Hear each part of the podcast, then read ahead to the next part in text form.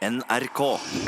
Eh, har du tenkt på at det går en del teknologiske helter rundt iblant oss? Ja, du tenker på mennesker som bruker evnene og kunnskapen sin til å forske, slik at eh, du og jeg og andre dødelige kan få det bedre? Ja. Snart skal vi få møte Gunnar, som utvikler en app som i framtiden kan redde flere tusen nyfødte som har fått en, ja, en litt vanskelig start på livet sitt. Men ser han på seg sjøl som superhelt? Da er det store spørsmålet som eh, vi skal stille han i dag. Og vi skal ikke bare hilse på Gunnar, vi skal også hilse på Truls, som var den tredje muslimen i Norge på 50-tallet. Hvordan har det vært for han å sett islam etablere seg eh, i landet i disse, disse 60 årene? Før vi går videre, så må vi jo presentere oss. Ove Gundersen og Camilla Kjøntingvold framfor hver sin mikrofon Yeah! i et studio i nærheten av deg. Oss. Oss, deg. Alt ettersom. Ja. Vi skal ta og begynne lett, tenkte jeg i dag. Eh, vi skal snakke om menneskets beste venn. Og hvem er det? Jo, det er hunden, og hund, det har du. Ja, det har jeg. Jeg har en hund. Vi har en eh, hjemme hos oss, en liten tass. En søt liten papillon. Mm. Jeg er usikker på, heter det papillon eller papillon? Jeg tror det er papillon. Ja, vi går for det. Og hvis noen mener noe annet, så får vi heller bare sende oss noen ord. Skal Ja. vi rette det til neste gang. Men det er en sånn hund med sommerfugløyre. Ja. Mm. Du ser at når de kommer gående, så akkurat som en sånn sommerfugl som flagrer liksom med, ja, med hodet og så, Ja, flagrer i vinden. Ja, papi, papillon betyr jo sommerfugl. Så mye visste jeg. Mm. Så vi skal snakke om, eh, om akkurat det. Men eh, det er rykter om at du også har eh, hund, eller har hatt hund, Camilla. Ja, jeg har hatt hund fram til for noen år siden. En ganske stor, hvitaktig bamse av typen golden retriever, men han er nå i dyrehimmelen. I dyrehimmelen. Og så leste vi på nrk.no denne uken at det har vært en eksplosjon i bekymringsmeldinger til det som heter Dyrevelferd Mattilsynet. Det er vanlige folk som melder fra om at de har observert hunder som slett ikke lever et godt hundeliv. Det handler om dårlig renhold, fôring og lite mosjon. Det høres jo egentlig ganske trist ut. Og vi vet jo det, vi som har hund, at det er en god del forpliktelser som følger med å, å ha et dyr i huset. En hund er mer enn en julegave. En hund det representerer et liv som må tas vare på. Og vi skal ta dette videre her og nå, Ove. For du har snakka med hundeeiere som eh, var ute og lufta hunden sin den dagen. Ja, og da fikk jeg helt andre historier, en sånn tragihistorie. Jeg fikk eh, heller oppleve å høre om den dype kjærligheten som kan oppstå mellom et menneske og en hund. Så jeg spurte rett og slett, hva betyr hunden din for deg? Ja, det betyr mye. Det her er første hunden jeg har. Hva slags eh, rase er det? Det er en cockapoo. Det er en blanding av cocker spaniel og puddel. Ja. Eh, mange spør meg om jeg er ute og lufter bikkja, men jeg sier omvendt. Det er bikkja som lufter meg, Okay. ja, og det er virkelig bra. Ut én til to, to og en halv time per dag. Hva som ligger i det da, at det er bikkjen som lufter deg? Eh, Har du så stort behov for å bli luftet? Nei, men Det er en måte å si det på. Det gir jo en utrolig glede å ha en eh, turkamerat. da. Vil, vil du kalle det for en slags venn, eller? Ja, det der er jo en kjempevenn. God venn. Turvenn. Eh, alltid til stede. Og, og så møter en jo på mye andre folk. Ja. Veldig sosialt. Og så stopper det opp en ung jente her som tydeligvis har lyst til å være med i samtalen, eller si sin mening om hund. Er, er du glad i hunder også? Å ja, det er kanskje en av mine Ja, det er det beste dyret man kan ha. Hvorfor er du så glad i hunder, da? Jo, jeg har nå hatt hund veldig lenge, men jeg har det ikke nå. Fordi at jeg har hatt et veldig sterkt bånd til en spesiell hund. Han er oppe i himmelen, han. Han var stor og fin. Han var snill, han var livlig. Han elska, han elska meg, og han, eh, han Ja. Eksempel når jeg skulle komme hjem fra barnehagen. Da, da, da var det sånn at han satt ved døra og var klar til at jeg kom. Så han satt ved døra hele tida til jeg kom. Kjenner du igjen i dette her som hun sier, eller? Ja, absolutt. Eh, det må jeg bare si. Du har sikkert eh, mennesker som venner. Og så kan Ja, du kalle kalle en hund som venn. Hva er så forskjellen egentlig? Oi, det er to forskjellige måter, men eh, vi kan si at jeg er like myk når jeg er knytta til han, Salto, Salto, som til mine gode venner. Det må jeg bare si. Men du, kanskje du må få deg en hund? Eh, Det er mitt største ønske i hele livet. For å si det sånn. Så koselig. Der kommer det mot meg en liten, uh, liten voff sammen med en yngre dame. Hva heter voffen din, da? Hugo. Hva slags, uh, hva slags rase er det? Det er en papillon. Er du glad i Hugo? Jeg er veldig glad i Hugo. Hugo er en veldig uh, snill og empatisk hund, kan man si. Empatisk? Empatisk, ja. Han er veldig flink til å lese følelser. Særlig når jeg er lei meg og kanskje ikke har en så god dag, da. Så føler jeg at Hugo leser det veldig godt. Eh, det var for ikke så lenge siden når bestefaren min døde. Så kom han nettopp hjem fra jobb, og jeg var lei meg og sliten og følte at livet var ganske dritt. Så var eh, Hugo veldig eh, veldig støttende, hvis jeg kan si det sånn. Og visste veldig mye, veldig mye omsorg, bare ved å gå rundt meg og passe på meg og ville sove med meg og på sånne måter. da. Jeg merka det godt, for at han eh, var mye mer kontaktsøkende enn han er vanligvis. Mm. Så skjønte at du var litt lei deg, altså? Han skjønte rett og slett at jeg var ganske lei meg. Ja. Flott, Hugo. God tur videre, da. Takk, takk. Ja, Dette her var jo rørende, Ove. Det er tydelig at de du har prata med, har et lidenskapelig forhold til hunden sin. Ja, det er det ingen tvil om. Men nå skal vi forlate vår firbeinte venn. Nå skal vi hilse på Truls Bølstad. Som ung var han eh, en fotballinteressert herremann eh, en stund siden på 50-tallet. Ja, og han Truls han var en av de første her i landet som bestemte seg for å bli muslim. Han tar oss over 60 år eh, tilbake i tid, til 1957. Da var det dette som hendte. Yes, sånn er det! Det er denne opplevelsen han er på jakt etter. Truls er i 14-15-årsalderen. Fotball og historie er artig, men eh, det er ikke nok. Det må være noe mer, tenker han. Han leser om fremmede religioner i læreboka på gymnaset, og her er det én som vekker interesse, nemlig muhammedanismen, eller islam, som vi kaller det da. Det er ikke mange som kan svare på de her spørsmålene Truls har i Norge på 50-tallet. Så vidt han vet, så finnes det to, to muslimer i Norge. Men eh, en av guttene i klassen veit om en i Sverige. Og så begynte jeg å skrive med ham. Og så var det å skrive brev, og så var det å lese, og så var det å gruble, og så var det å skrive nye brev. Og så er det for meg, og det må jeg understreke, for andre tar andre valg, men for meg så var det en dag jeg tenkte ja, sånn er det. Jeg tror på denne merkelige Muhammed, eh, som hevdet å være profet. Jeg tror ham på det, at han var profet, og jeg tror på den, det gudsbildet som han har. Og da, Det husker jeg ennå veldig, veldig sterkt at uh, dette må jeg ta konsekvensen av, og det gjorde jeg altså da 2. februar i 1957. Hvor mange muslimer tror du det var i Norge den gangen? Tror det bare var oss tre. Det står noen steder at jeg var Norges første muslim, og gang på gang så, må jeg si at jeg var ikke det.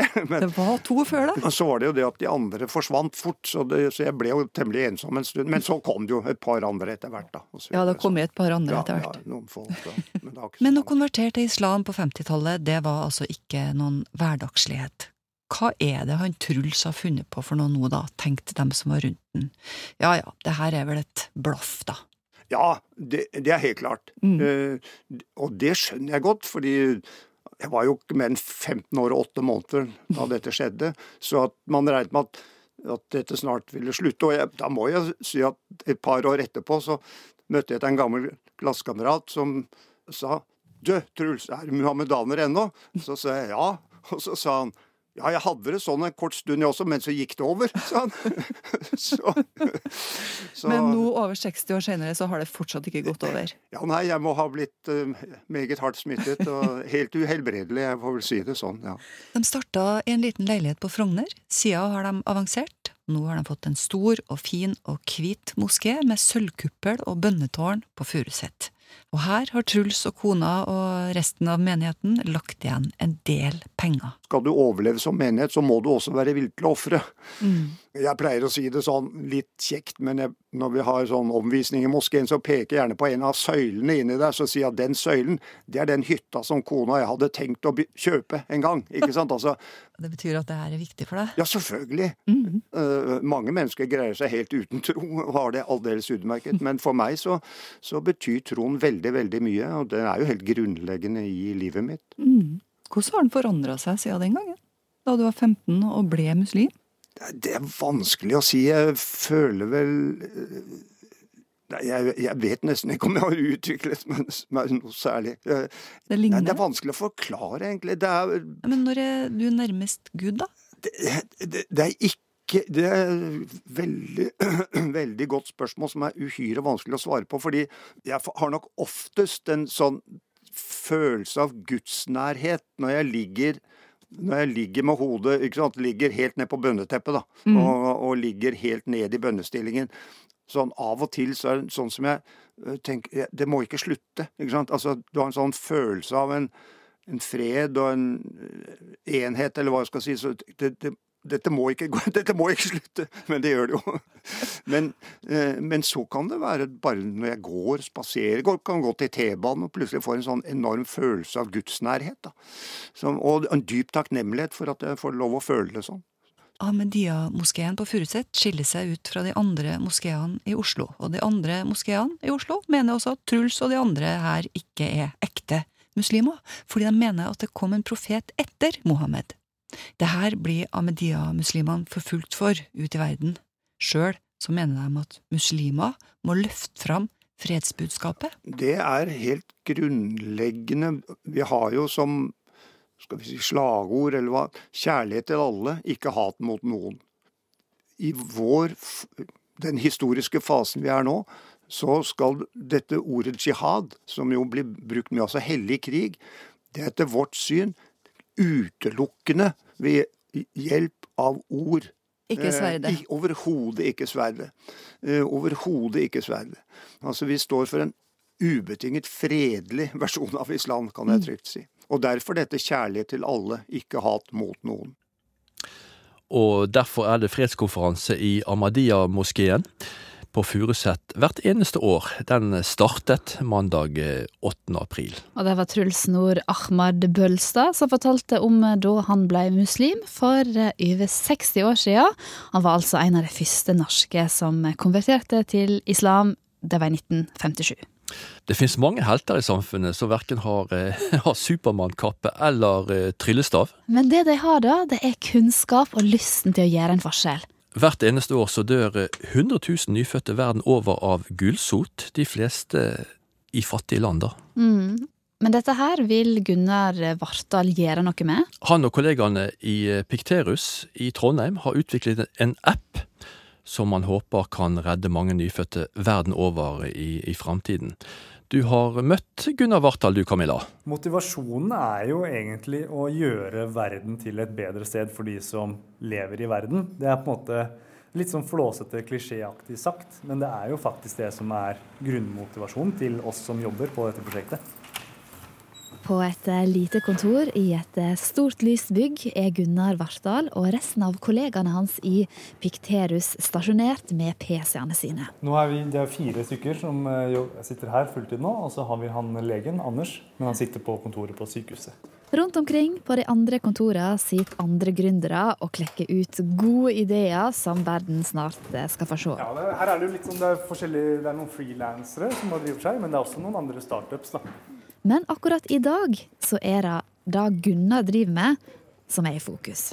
Og vi utvikler da et uh, diagnostiseringsverktøy for gulsott hos nyfødte ved hjelp av smarttelefoner. Ja, tenk på det. Smarttelefoner kan brukes til mye mer enn chatting på Messenger og å ta selfies. Om Gunnar får det som han vil, kan systemet, som han og de andre utvikler, en gang i framtiden redde tusenvis av babyer rundt omkring i verden. Mange nyfødte får gullsot etter fødselen. Det er en sånn opphoping av eh, gallefargestoff i kroppen som resulterer i bl.a. gul hud hos den vesle. Tilstanden er sjelden farlig her i Norge, fordi vi har så mye bra utstyr, godt utstyr, som raskt kan diagnostisere og behandle den nyfødte. Men mange fattige land mangler dette her dyre hudavlesningssystemet som kan påvise gulsot. Her kommer Gunnar og kollegaene hans inn i bildet. Eh, og siden smarttelefoner allerede er utbredt, så kan vi ved, da, bare ved å spre den appen vår få spredd verktøyet ut veldig billig. Så det blir mye billigere enn dagens tilgjengelige alternativer. Så vi har et lite sånt fargekalibreringskort. fargekaliberingskort. Det er en papirlapp som vi spesialprinter, som legges på brystet til barnet. Så tar vi da et sett med bilder av barnet med dette kalibreringskortet. Og så analyserer vi hudfargen, vi kalibrerer hudfargen. Og ved å gjøre denne sammenligningen da, mellom mål, denne målte hudfargen og den, disse matematiske modellene, så kan vi gi et veldig godt estimat på hvor mye bilirubin dette barnet har i kroppen sin. Som da igjen viser om barnet trenger behandling eller ikke. Hvert eneste år så dør rundt 100 000 barn i verden fordi at de ikke får gulsotdiagnosen tidlig nok. Men tallene er noe høyere. Dette er også et bilde fra Uganda som viser et eh, foreldrepar som tester en tidlig prototype av appen vår, for å se hvordan de potensielt kunne brukt det selv. da. Noe de fikk til å gjøre. For Gunnar og teamet hans eh, så er det viktig for eh, motivasjonen å møte de det virkelig gjelder. Det er veldig motiverende å komme ned dit og til områdene der det faktisk er medisinsk behov. Og se på hvilke personer og foreldre da, som vi faktisk kan påvirke hvis vi klarer å få dette systemet til å fungere eh, bra. Det er veldig givende, altså. Ja, for Kan du si noe om hva det gjør med motivasjonen for å drive med dette? Nei, De gjør det veldig konkret. Det er veldig som, eh, Jeg er jo utdanna ingeniør og sitter på en PC og regner på tall og liksom og har liksom statistikk over eh, så og så mange barn dør, og så mye kan vi gjøre, på en måte. Men uh, nå, er jeg, nå, er jeg, veldig glad i tall. Uh, men det, gjør, det gir mye mer å reise ned og se enkeltpersonene som man på en måte kan påvirke ved det man gjør. Det gir en veldig mye ekstra i hverdagen. Har du tenkt på at det du gjør, kan redde mange tusen mennesker en gang i framtiden? Ja, det har jeg egentlig tenkt eh, mye på. Og det er jo grunnmotivasjonen da, til at vi driver med dette prosjektet. Mm. Hva betyr det for deg personlig da, hvis de skulle nå klare å utvikle et verktøy som kan hjelpe barn med gulsot? Det vil jo, For det første så vil det jo føles eh, veldig bra da, å på en måte ha bidratt til noe så bra. Eh, for det andre så mer på en måte eh, ambisjonsmessig, karrieremessig, så er jo det også en veldig stor suksess da, for meg personlig også. Men eh, grunnmotiv grunnmotivasjonen er jo på en måte det her å komme ut og hjelpe folk og redde folk. Og på en måte å ha vært med på det vil gi meg veldig mye, da. Ja, hva da? Nei, hva skal jeg si? Godt spørsmål. Det gir jo en veldig bare det å jobbe med det nå gir en sånn god følelse i hverdagen. Da. En, sånn, en god sånn, på en måte, grunnfølelse i hverdagen. At man føler seg bra. Da. At man er med på noe sånt som faktisk er nyttig. Og jeg vil jo tro at når vi Nå sier jeg når, jeg sier ikke om, fordi vi skal jo få det til. Når vi på en måte får det til, og vi er ute og redder liv, så håper jeg jo at den følelsen bare forsterkes. Hvorfor tror du det føles så bra, sånne ting? Altså, Det er jo ikke du som får noe hjelp, men det er noen som kanskje bor ganske langt vekke herifra. Nei, jeg tror jo vi mennesker har en veldig sånn uh, uh, iboende trang og lyst til å hjelpe andre. Uh, og det er på en måte Det er både det med å føle seg nyttig er veldig fint for oss mennesker, men også det å kunne hjelpe andre er veldig nyttig. Og det, med dette selskapet, da, så får man på en måte gjort begge deler. Mm. Er du en helt? Uh, nei, det vil jeg ikke si. Men jeg prøver jo jeg prøver å gjøre noe bra, da. Jeg prøver på en måte med, med, mine evner og det jeg har, så prøver jeg på en måte å Jeg prøver å gjøre en forskjell i verden, da. Nå syns du du var litt sjenert? Ja. Det, det er jeg. Sjenert, men Gunnar Vartdal i Pikterus kan kanskje en gang i framtiden redde flere tusen mennesker med denne teknologien sin. Det ble spennende å følge med på deg. Men du Ove, hva har Lillebjørn Nilsen, Gypsy Kings, Keisers Orkestra og Django Reinhardt til felles? Ja, mm. nå vet jeg at du har tatt en prat med Thomas Fellberg. Han er programleder i Tidsbonanza. Han er dommer i Stjernekamp. Og han har eget musikkprogram på P13 om det. Eller snarere, du har snakket med han om romfolkets musikk. Ja, fordi at 8. april så er det romfolkets dag, og da hadde vi eh, lyst til å hylle både folk og musikk. Ja, i denne podkasten så får vi jo dessverre ikke høre eksempler på grunn av at musikkrettighetene ikke helt på plass ennå. Men Thomas Welberg sa dette her om hva som kjennetegner musikken til romfolk.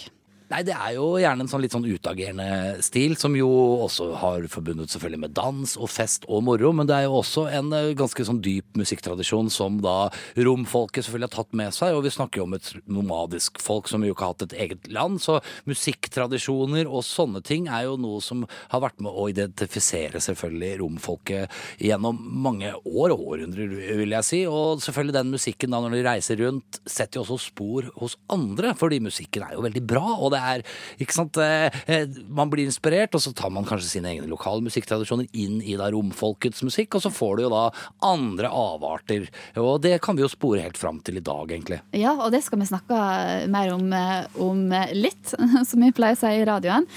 Vi hørte jo Gypsy Kings her, men har du andre eksempel på musikk som er laga av, av, romfolk? Som, ja, det har jeg. Som vi hører masse på i dag? Kanskje den mest berømte er jo Django Reinhardt, gitaristen da som var en del av romfolket, men som jo hadde utgangspunkt i Paris da, sånn rundt 1920-30-tallet. Helt fantastisk gitarist, og revolusjonerte jo eh, både eh, romfolkets gitarbruk, men også gitarbruk generelt, og er jo på en måte for akustisk gitar det samme som kanskje Jimmy Hendrix var, var da for elektrisk gitar.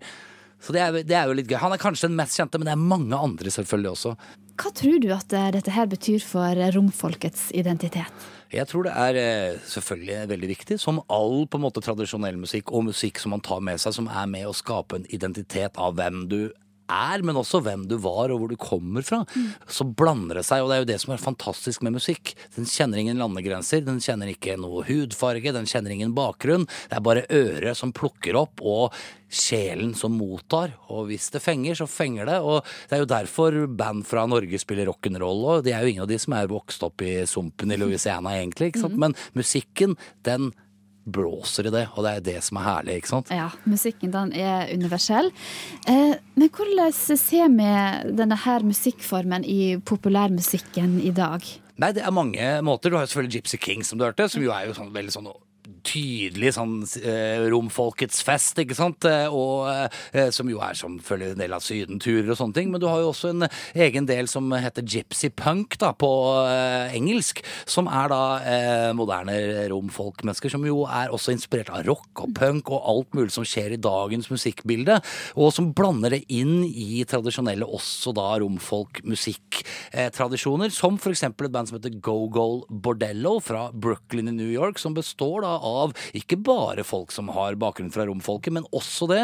Og de blander da helt tydelig da romfolkets musikk, men også jødisk klesmermusikk og sånne ting inn i punk og psykedelia og fest og moro, og så blir det et veldig sånn potent brygg. Spilt mange ganger i Norge, faktisk. Gogol Bordello. Du, eh, jeg tenker litt på Kaizers Orkestra. Er de inspirert av, eh, av eh, musikk fra romfolket? Ja, til, jeg bare har en sånn følelse av det. Ja, og det, til en viss grad så kan vi kanskje mm. si det. Jeg vet ikke hvor bevisste de er, for de er jo også veldig inspirert av Tom Waits. Det er jo ikke til å stikke under stol, det innrømmer de jo selv. Og, eh, og, men han er jo igjen da inspirert av flere ting som jo du kan legge rot i fra romfolkets musikktradisjoner. Så som en direkte konsekvens så kan vi trekke en slags linje, i hvert fall, fra da romfolkets musikktradisjoner gjennom da Tom Waits og flere andre som har popularisert det med sitt uttrykk, også inn i Kaizers. Så det kan vi. Men du, Lillebjørn Nilsen, tanta til Beate. Eh, jeg har skjønt at den òg er litt inspirert? Den er ikke bare litt, den litt er masse. helt fullstendig inspirert. Det er jo en slags låt basert på romfolk-musikktradisjoner.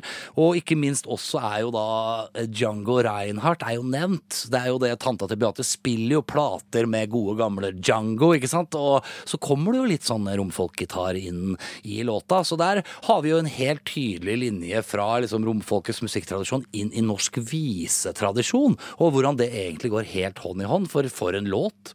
Tusen takk skal du ha, Thomas Felberg. Takk skal du ha. Hyggelig å få lov å være her. 8. april var altså romfolkets eh, dag. Hva slags bilde er det egentlig folk har av Gud her til lands? Eh, det finnes ei dame som har skrevet doktorgrad om gudsbildet, og hun skal vi møte litt seinere i Mellom himmel og jord.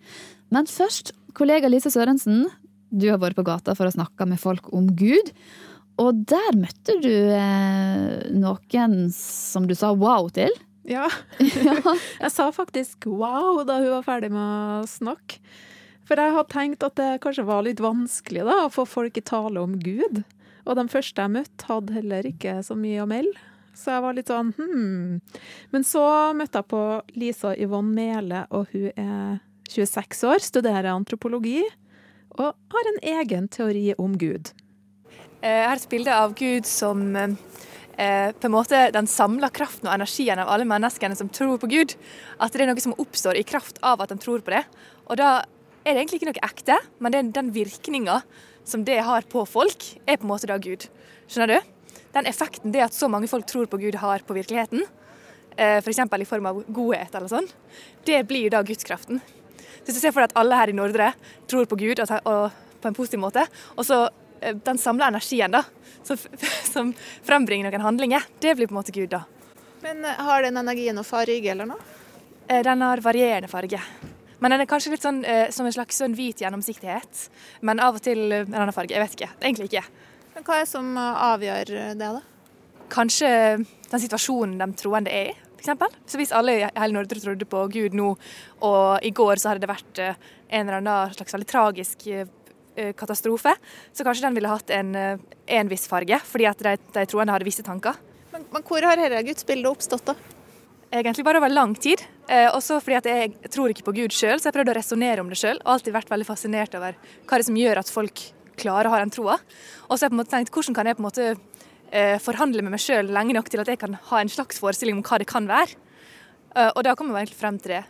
Annet gjennom samtale med en venninne som er kristen, og som jeg liker å snakke med, som er har kjent hele livet. Ja. Så du tror ikke sjøl, men du tror på det bildet av Gud? Ja, egentlig. Jeg, jeg, tror at det at folk tror på Gud, har en ekte effekt på virkeligheten. Skjønner du? Og da blir det på en måte Gud. Men når du har det her gudsbildet, hvorfor uh, klarer du ikke å tro på det sjøl, da? Um, jeg tror jo på det her gudsbildet, på en måte. Men det er altfor mange konvensjonelle liksom, uh, forbindelser rundt den vanlige måten å snakke om Gud på. Og det er ikke noe som jeg kan identifisere med. Hva tenker du på da? At det er en, en viss skikkelse som har uh, um, evne til å gjøre veldig konkrete inngrepen og sånne ting. Uh, akkurat det er ikke helt med, men uh, at det er en kraft. Ja, ja, det er egentlig Den største tingen som skiller, det er jo at jeg sier jo at Gud fins fordi menneskene tror på han. Og det vil jo f.eks. mine kristne venner ikke gå om på. De vil jo si at vi finnes fordi Gud har skapt oss. Det er den største forskjellen. da. Jeg tror Gud er en kraft som eksisterer fordi ja, fins inni oss, og vi tror på, på han. Men de konvensjonelle gudsbildene du snakker om, eh, kan du beskrive dem litt? Uh, ja, det er den forestillinga om en fader, eller en, en sånn um, en mannsskikkelse, gjerne, som uh, også er avstraffende og følger med på en. Og man forventer gjerne at han dømmer en for ting som bare er kulturelle uh, bestemmelser om hva man skal og ikke skal være. Og den tror jeg er for på en måte spesifikk for her og nå, til at det egentlig gir mening å gjøre det så universelt. Hvordan tror du det har oppstått, da? Kanskje det kommer bare fra den enkle foreldrerelasjonen av det at man dyrker sine foreldres tidligere foreldre på et eller annet tidspunkt. En slags skikkelse som har eksistert og som har kraft og påvirkning i livet ditt. Kanskje det kommer fra, fra det, rett og slett. Fra en forfedretro. At den kanskje kommer fra noen sånn forestilling om at vi får genene fra vår tipp-tipp-tippoldefar. på en måte. At han på en måte kontrollerer det gjennom Kanskje det har kommet fra en sånn forestilling. Forestilling om arv og hva påvirkning fortida og forfedrene våre egentlig har på oss. da. Kanskje. Nå bare tenker jeg ut. Hei, jeg heter Kari Halstensen, og i dag skal vi se litt på hvordan mennesker lager et bilde av Gud. Ingen av oss møter Gud ansikt til ansikt, så for at vi i det hele tatt skal klare å forholde oss til eh, en tanke om Gud, så må vi lage oss en forestilling, et indre bilde. Eh, ved hjelp av fantasien vår så må vi lage et bilde av hvordan Gud kan være. Så hva slags brikker er det vi bruker, og hvor henter vi dem fra når vi skal sette sammen vårt eget bilde av Gud? Jo, sier gudsbildeeksperten, vi henter dem fra folk rundt oss. Når vi kommer til verden, så blir vi tatt imot av noen som har omsorg for oss. Ofte er jo det foreldre. Og opplevelsene våre som vi har med mor og far tidlig i livet, blir med inn i den forestillingen vi har om hvordan Gud kan være. Ja, Så det, det mor og far har sagt, det blir én brikke, på en måte? Ja, og ikke bare, men aller mest det du opplever sammen med mor og far. Ja. Det å oppleve nærhet eller avvisning, eller det å bli tatt imot og trøsta, eller det å bli oppleve eh, aggresjon eller bli kjefta på. Så det har noe å si for hvilket gudsbilde vi, vi har? Ja, det, det, det, er med på å bygge opp den forestillingen som vi har om hvordan Gud er. Mm. Og så er det litt viktig å si at det er ikke sånn at vi liksom setter oss ned og bestemmer at OK, i dag skal jeg lage gudsbildet mitt, mm. og så henter du fram en masse gamle minner og sånn, og så klipper og limer du, og så lager du en, en forestilling om Gud. Det, det skjer mer sånn at vi trenger å lage oss forestillinger om hvordan ting er, for å klare å finne fram i verden. For å klare å gjøre hele den store, kompliserte virkeligheten som vi lever i, meningsfull. Mm. At vi skal kunne forstå så mye som mulig, så lager vi oss forestillinger om hvordan ting er. Så hvilke opplevelser vi har i livet, det virker sterkt inn på hvordan vi tenker om Gud, sier Kari. Og Kari hun kommer tilbake noen søndager i vår. Vi skal blant annet høre at bildet vi har av Gud, det henger nøye sammen med hvordan vi tenker om foreldrene våre, og hvordan vi tenker om oss sjøl. Men nå til deg som tror at eh, det er bare dem som tror på Gud, som driver og lager seg gudsbilder, så tar du feil. Alle som kan snakke om Gud, har et bilde av Gud. Også ateister, sier hun. Ja, de har et, en forestilling om den Gud som de ikke tror på. Uh, og noen syns det er en litt sånn provoserende ting å si, fordi du liksom klistrer på Noen føler at de, blir, de får klistra på seg en, en religiøsitet som de ikke kjenner seg igjen i. Men det er ikke det det er snakk om. Det det er snakk om, er at vi som mennesker orienterer oss i verden, og derfor danner vi det bildet av Gud. Og det bare skjer fordi forestillingen om Gud fins jo i hele samfunnet vårt. Bare det at du ser et kirkebygg, f.eks., er jo med på å gi grobunn for at det danner seg en forestilling om Gud. Men så er det òg viktig å si at en del av de forestillingene vi har om Gud, de har blitt til på sånne måter at vi ikke har direkte kontakt med dem. Altså sånn at det ligger i følelseslivet vårt på en måte som vi ikke er helt bevisst på. Men en del av det har vi jo eh, kontakt med. Og denne kontakten, den anbefaler Kari Halstensen at vi holder ved like, og gjerne styrker? Eh, det er ikke så vanlig at vi tenker så mye på hvor det bildet av Gud kommer fra. Men det der å kunne ha en bevissthet om sin egen historie, hva er det som har påvirka meg eh, når jeg har utvikla tanken, forestillingen om Gud, og hvilke følelser er det som ligger inni forestillingen min om Gud? Fordi inni følelsene så ligger jo fortellinger. Og det tenker jeg at det er en, det er en fin ting for oss alle sammen å kunne møte det med en aksept, og gå inn i det på en sånn måte at du blir rett og slett litt bedre kjent med din egen historie. Og litt bedre kjent i din egen indre verden. Dette var eh, Kari Halstensen. Vi skal få høre mer fra hun utover våren, for Kari holder på med et, en, en, doktorgrad i gudsbilder, eh, og har derfor mer på hjertet. Mellom himmel og jord. Se for deg at du møter et nytt bekjentskap. Du presenterer deg med navn, alder og hvor du kommer ifra, men personen som står framfor deg, stusser veldig over det du sier. Tror ikke helt på det du forteller om deg sjøl. Dette her er Rahel M. Berak sin historie. Da jeg var 20 år gammel og jobbet på sjukehuset, var det en kollega av meg som spurte om hvor jeg var fra. Ja, hvor jeg egentlig var fra. Og hvorfor jeg snakket så innmari bra norsk. Jeg svarte med at jeg ble født på et av disse rommene i 1995, og at hun helt sikkert hadde vakta. Ja, Men hvor er det du er egentlig fra? Eh, Oslo? Ja, ikke sant, men altså, hvor, eh, hvor, eh, hvor er du eg... Å oh, ja, ja, herregud, unnskyld. Østensjø bydel. Ja, ikke sant? Men eh, hvor er du liksom altså, Kunne du ikke vært litt mer sånn spesifikk? sier da denne damen. Eh, Oslo? Østensjø bydel. Bogerud. Der. Der er jeg fra. En fireromsleilighet til en familie på fem med et flislagt bad og et nytt kjøkken. Der. Der er jeg fra. Men eh, hvis du lurer så innmari på hvilket eh, land eh, mine foreldre kom fra, så heter det Eritrea.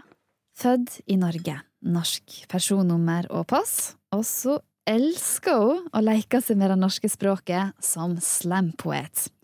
Men ofte så lurer folk på hvor Rahel Berak egentlig kommer ifra.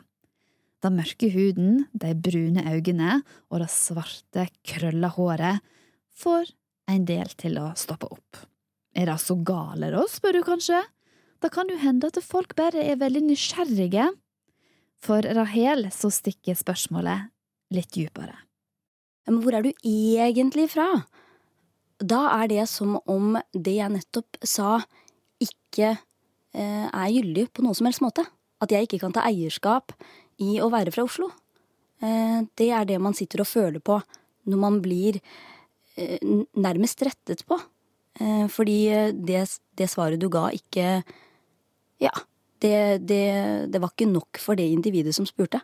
Det som er i bunn og grunn, er vel at man føler seg eh, utenfor.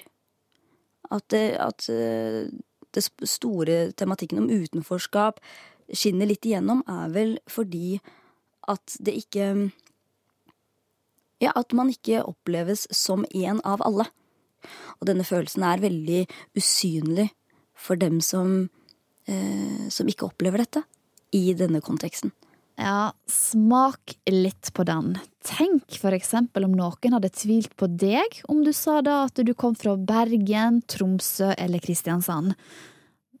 Kanskje hadde du begynt å føle litt sånn inni deg at jeg er ikke god nok til å være derifra. Rahel hun skulle ofte ønske at folket heller kunne gå rett i kjernen av det jeg lurer på. Um, om man lurer på hvorfor den personen er mørkere enn en selv, så hvorfor ikke stille det, da?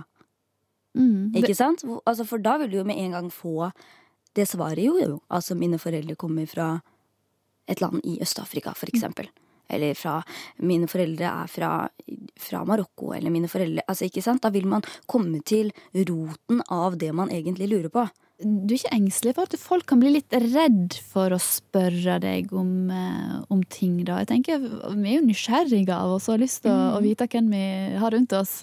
Ja, altså jeg, jeg, har tenkt veldig mye på det du sier nå.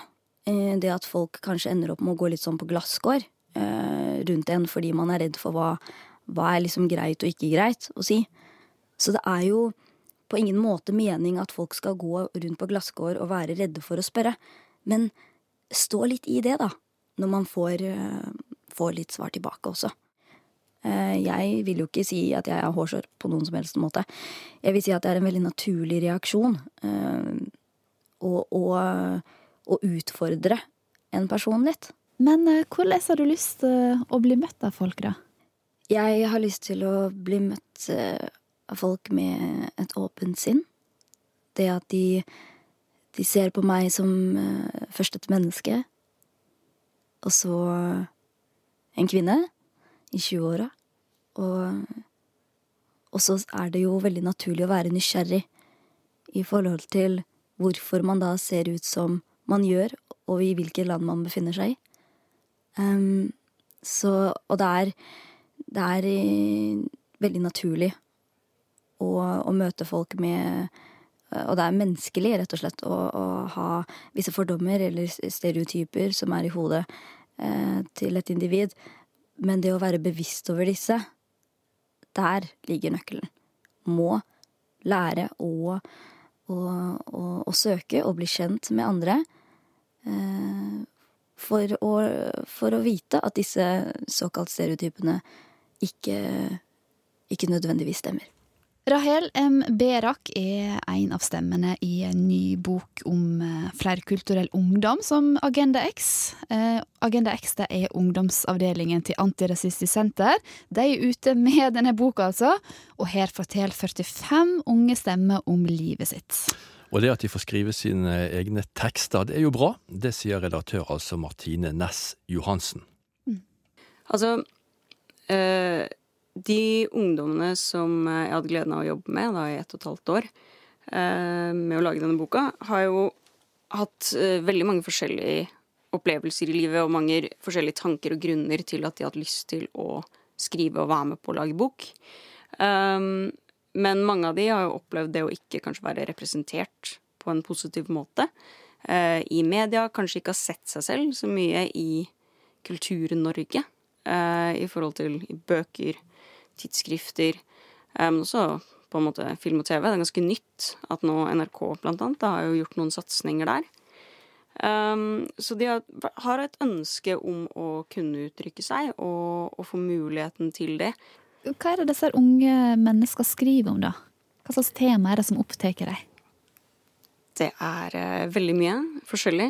Uh, igjen. men de, de, skriver om, uh, om, kultur og identitet. De skriver om seksualitet. de skriver om fest. de skriver om om rasisme, selvfølgelig. Eh, og om mental helse. Eh, alt som egentlig opptar, opptar, ungdommer flest, vil jeg si. Mm. For jeg tenker på, på, hva som skjer i et samfunn hvis, hvis en bare snakker om ei gruppe. Mm. Ja, hva skjer da med uh, hvordan vi snakker i lag, og hvordan det blir å være i samfunnet? Vi baserer jo tankene våre Eh, på hva det er vi hører om folk. Eh, og så begynner vi å se på mennesker som tilhører en bestemt gruppe på en bestemt måte. Eh, og hvis den dekningen er negativ og ensidig, så selvfølgelig har det forferdelig kjipe konsekvenser for de det gjelder. Og, de oss, og, jeg er jo heldig, jeg jobber med ungdom, jeg bor på Oslo øst og har vokst opp på Oslo øst. Og møter ungdom hele tiden, så jeg vet jo at det er så utrolig mye bra og kul og fantastisk og talentfull ungdom der ute.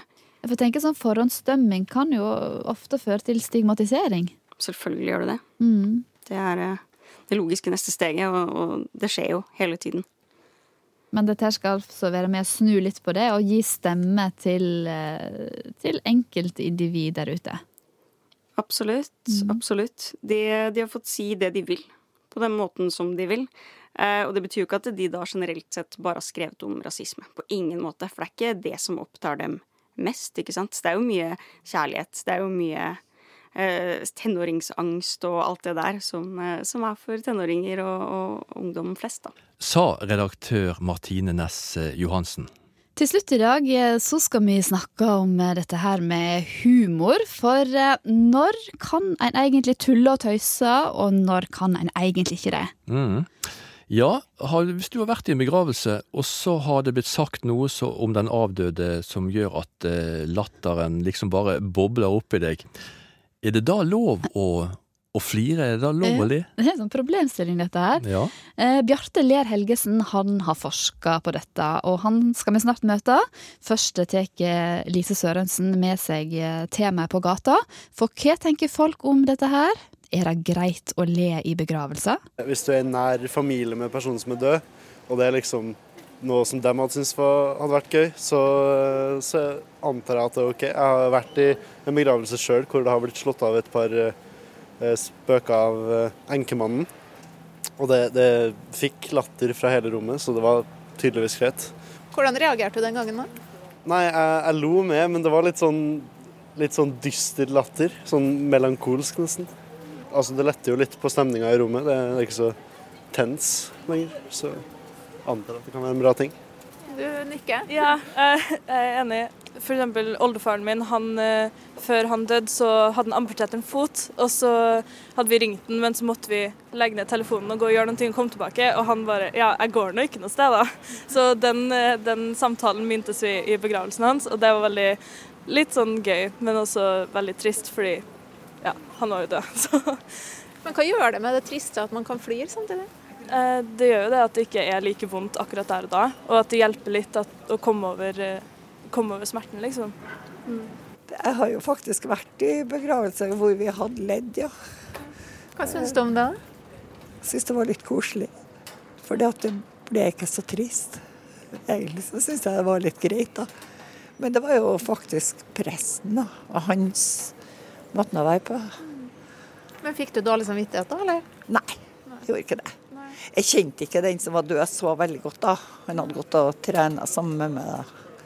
Så, men eh, Jeg skjønte jo at han hadde vært en veldig sånn humørfylt menneske sjøl, da. Ja. Nei, så jeg syns det var litt koselig, egentlig. Hva tror du det gjør med oss å kunne flire når det er som tristest? Lette litt på sorgen, tror jeg. Jeg tror det.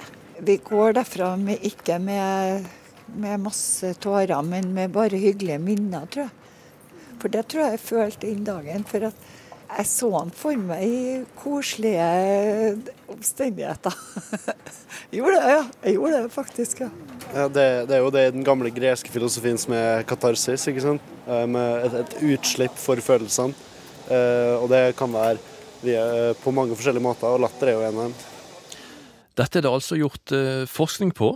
Humor i begravelse er en balansekunst, sier teolog Bjarte Ler Helgesen. Men ja visst er det lov å le. Jeg har et godt eksempel, og det var en prestekollega som, som hadde begravelsen til en, til en, en musiker.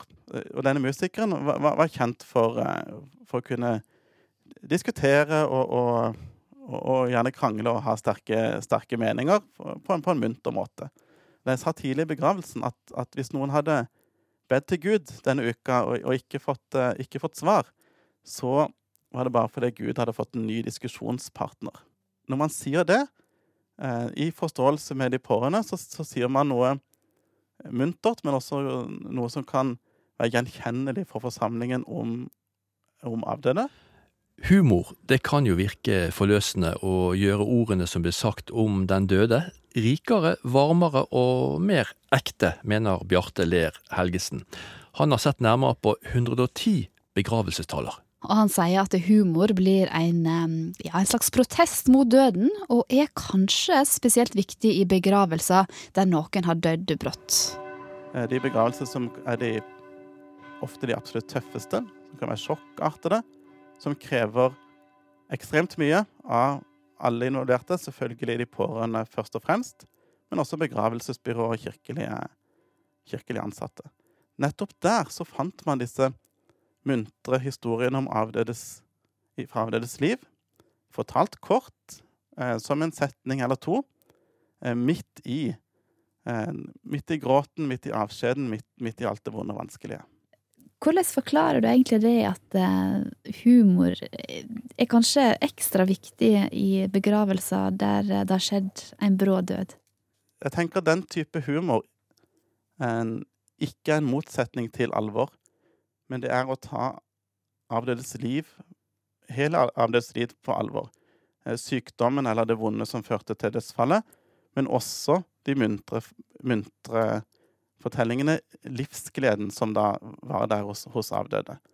Eh, så å fortelle en sånn munter historie midt i det tragiske kan være å løfte, fre, løfte opp avdødes liv, og også en slags protest mot døden. Sånn, ja, det som skjer nå, det er dypt tragisk, det er meningsløst, men det tar ikke fra oss minnene om avdøde, alt det varme eh, vedkommende betydde for de som sto han eller henne nær. Det syns jeg er veldig interessant, dette her med at det er en protest mot døden. Ja, og det er en um, teolog som sier at uh, 'laughter is hope's last weapon'. Altså at, at latteren er håpets siste våpen mot, uh, mot døden. Så lenge man har en form for glede, smil, uh, den type ting, så har man også noe, noe, å leve for. Og der kan det være en link mellom et allment håp og også et, et religiøst håp. Er du overraska over det? At det er ved slike dødsfall at det, det er større rom for å, å bruke humor? Ja, ja det, det overrasker meg. Fordi eh, når, når en hører tilfeller av vond og brå død, hvor jeg, hvor jeg selv har, har vært, eh, vært, prest, så er det jo i, i settinger med, med, med, dyp sorg, med, med en dirrende stemning, med, sjokk og krise, og med alt dette som rett og slett er vondt og vanskelig og kjempetøft å, å komme gjennom. Og det, det, er jo en motsetning der til, til, eh, til smilet og latteren, selvfølgelig. Men, men når, når, jeg først så på det, så var det, og det er viktig å si, eh, begravelsestaler som, som, var veldig godt gjennomarbeida, så fremstår med den dypeste seriøsitet, dypeste alvor, og nettopp i alvor ønsket en å, å løfte frem helheten i, i uh, avdødes liv. Mm. Hvis en i den type begravelser uh, begynner med, med, med en enkel vits, så har man jo gjort grovt overtramp så, som, uh, som prest, selvfølgelig. Du må være en god menneskekjenner da, hvis du skal være prest.